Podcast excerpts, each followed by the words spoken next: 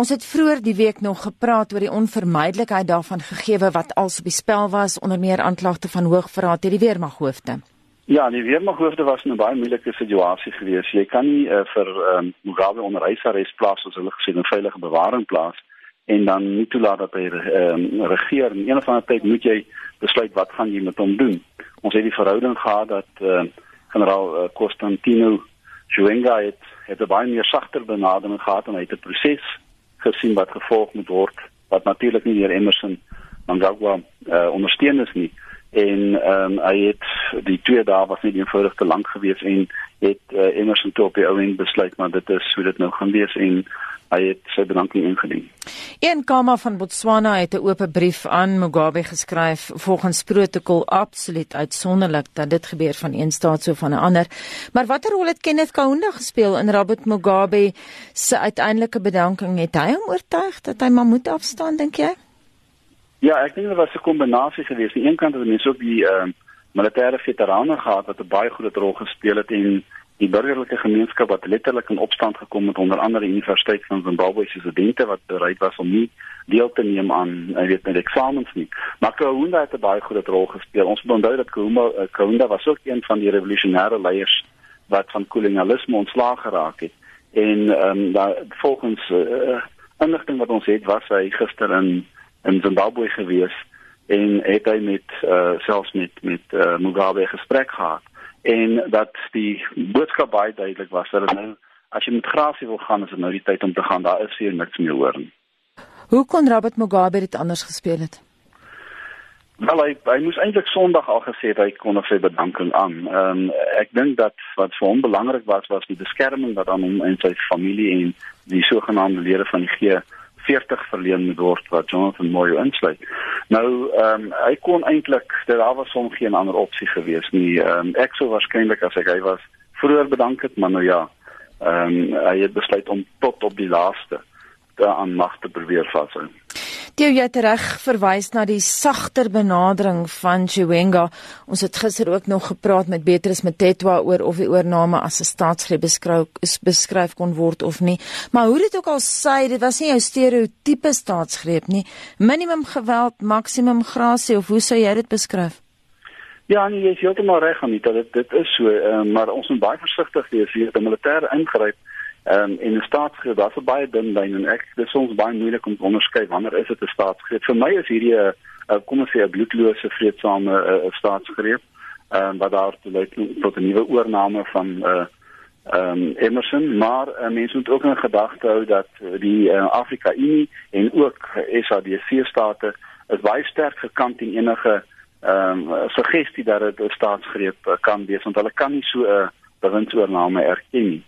So de, kom ons noem dit dan 'n militêre intervensie, maar in praktyk was dit maar 'n staatsgreep geweest. Kan 'n probleem in die toekoms kom? Kan enigiemand omdraai en sê dit was nie hierdie oorname was nie legitiem nie? Nee, ek twyfel. Jy weet, um, as as 'n mens gewen het en jy is veral die vervange diktator, dan uh, neig mense om 'n uh, legitimiteit aan die stelsel te verleen en dis wat nou gaan gebeur. Uh eintlik moes hy nog geregeer het, Mugabe nog geregeer het tot September uh, 2018. Dit gaan nou nie gebeur en alle aanduidings is dat dat uh, Emerson Mnangagwa gaan nou die die beheer oorneem binne die volgende paar uur en um, hy gaan re regeer tot September. Daar is selfs 'n voorstel wat uh, laat gisteraand gesirkuleer het dat hy waarskynlik 'n langer periode gegee moet word. Ons moet natuurlik onthou dat uh, Mnangagwa is nie ehm um, 'n demokraat nie. Hy is eintlik maar ehm um, ook 'n diktator. Ons het nou 'n diktator vervang met 'n diktatoriale bestuur en dit gaan 'n baie interessante uitspeel wees in die volgende 12 maande. Wat dink jy gaan gebeur?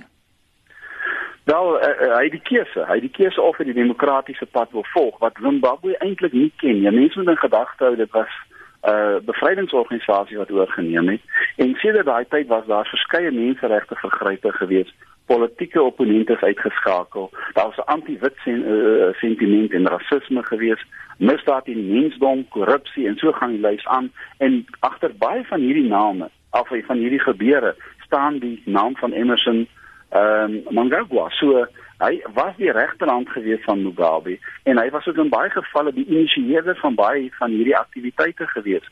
Dit hy het nou die keuse om daarvan weg te kom of die gemeenskap, die burgerlike gemeenskap hom gaan toelaat om van hierdie uh, oorlogsmisdade van hom of misdade in die mens om weg te kom, dis natuurlik 'n ander saak maar die keuse om die demokratiese roete of die voortsetting van diktatoriale bestuur.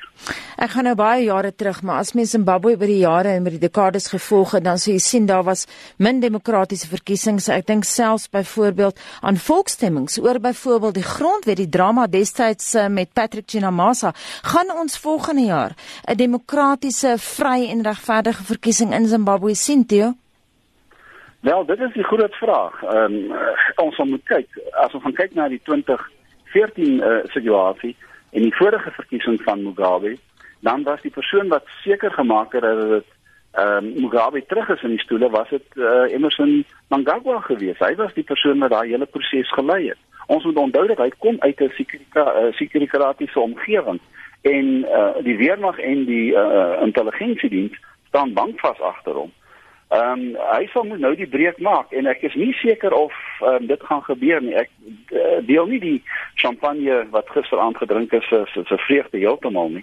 Ek dink dat hy sal nou moet op die tafel goed sit wat wat heeltemal teen sy grein ingaan. Dit gaan vir my eerder om probeer uh, waar daar 'n poging is om die uh, onrus wat in die land of die ongelukkigheid wat in die land is te herstel en om ZANU-PF te red, dit wat nog te redde is. Ja, ons weet Robert Mugabe gaan waarskynlik nie vervolg word nie. Hy behou sy eiendom in Zimbabwe. Wat gaan van Grace word? Wel, Grace is die groot oorsaak hoekom hierdie hele aangeleentheid natuurlik plaasvind het. Want sy die G40 agter haar gehad. Ehm um, Grace, um, ons is nie seker of sy ook ehm um, die vrys vrystelling of, of vryskelling gekry het in eh uh, die grasie gekry wat wat Mugabe gekry het nie. Daar was sprake gewees uh, gister en en, en maandag selfs dat uh, sy moontlik kan uitwyk na plekke soos byvoorbeeld China toe was genoem gewees, Maleisië was genoem gewees, al 'n hele paar state wat genoem is, maar dit is al spekulatief op hierdie stadium. Ehm um, al wat ons uh, wel kan wat ons wel weet is dat sy is nie populêr in Zimbabwe nie en dit het eintlik vir haar baie moeilik gaan wees om daar te bly net sy waarskynlik die land sou moet verlaat. En die res van die G40, Jonathan Moyo byvoorbeeld Wel, dit dit sou ons moet sien. Jy weet almal, hulle het almal plase gekry, hulle het almal voordele mm. uh, gehad uit die uit die uh, uit die ehm um, bedeling uit. Nou moet mense net sien of hierdie stelsel hierdie amper patronaatskap of hy gaan voortsit in die volgende paar maande en of hierdie persone nou ehm um, gelos gaan word en of hulle vervolg gaan word. Ehm um, ons moet geen fout maak nie. Daar's geen liefde tussen uh, Emerson Mnangagwa se se groepering en in die G40 nie. So, I mean, kyk hoe versoenend uh, gaan hulle optree. Ons moet gedagte hou dat uh die hoof van die weermag probeer hierdie versoening natuurlik bewerkstellig. Hy het ook gesê dat daar moenie vergelding wees nie. Sy het hom baie duidelik daaroor uitgespreek. Baie reaksie vanoggend teo van wêreldleiers en ook die VN, soos wat ons vroeër op monitor gehoor het. Dink jy die Zimbabweërs gaan ekonomies beloon word vir die feit dat hulle ontslaag geraak het van Mugabe? Gaan mense weer kom belê? Ja, wat wat amper sentraal staan is almal sê hierdie is nou die geleentheid. Ek dink as as, as uh, die nuwe president regtig 'n verskil wil, uh, wil maak, dan sal hy moet aan sekere regte en vryhede moet moet uh, uh, erkenning verleen. Hy sal moet gaan kyk na die private sektor. Hy sal moet be beleggings kry en hy sal eers sekere geleide moet maak wat positief is voordat van van die groot maatskappye weer gaan belê en voor hy veral ook staatshulp gaan kry van ander state soos byvoorbeeld Brittanje. Hoe gaan die Zuma administrasie die Mnangagwa administrasie hanteer? Wel, het aanvankelijk, je weet, uh, uh, Mangago was in, was in Zuid-Afrika geweest vir die, die laaste ruk voordat hy weer terug is uh, Zimbabwe toe. Ehm um, Suid-Afrika het gesê hulle gaan nie die staatsgreep uh, staatsgreep sal hulle nie erken nie. Dit is wel gesê en hulle het hulle baie sterk uitgespreek vir die bou van die staatskool. Ehm um, ek dink dat hulle dit nie ander keuse nou as om eenvoudig maar net te sê ons uh, ondersteun die nuwe die die nuwe bedeling en ons sover as moontlik uh, probeer om stabiliteit daar te kry. Dit is in Suid-Afrika se belang dat daar stabiliteit is. En jy weet 'n groot persentasie van Zimbabweërs bly in Suid-Afrika en hulle sal baie graag wil terug aan Zimbabwe toe. So die Suid-Afrika sal baie duidelik 'n meer positiewe en konstruktiewe rol moet speel. Baie dankie dit aan die mening van die politieke wetenskaplike Theo Becker van Noordwes Universiteit.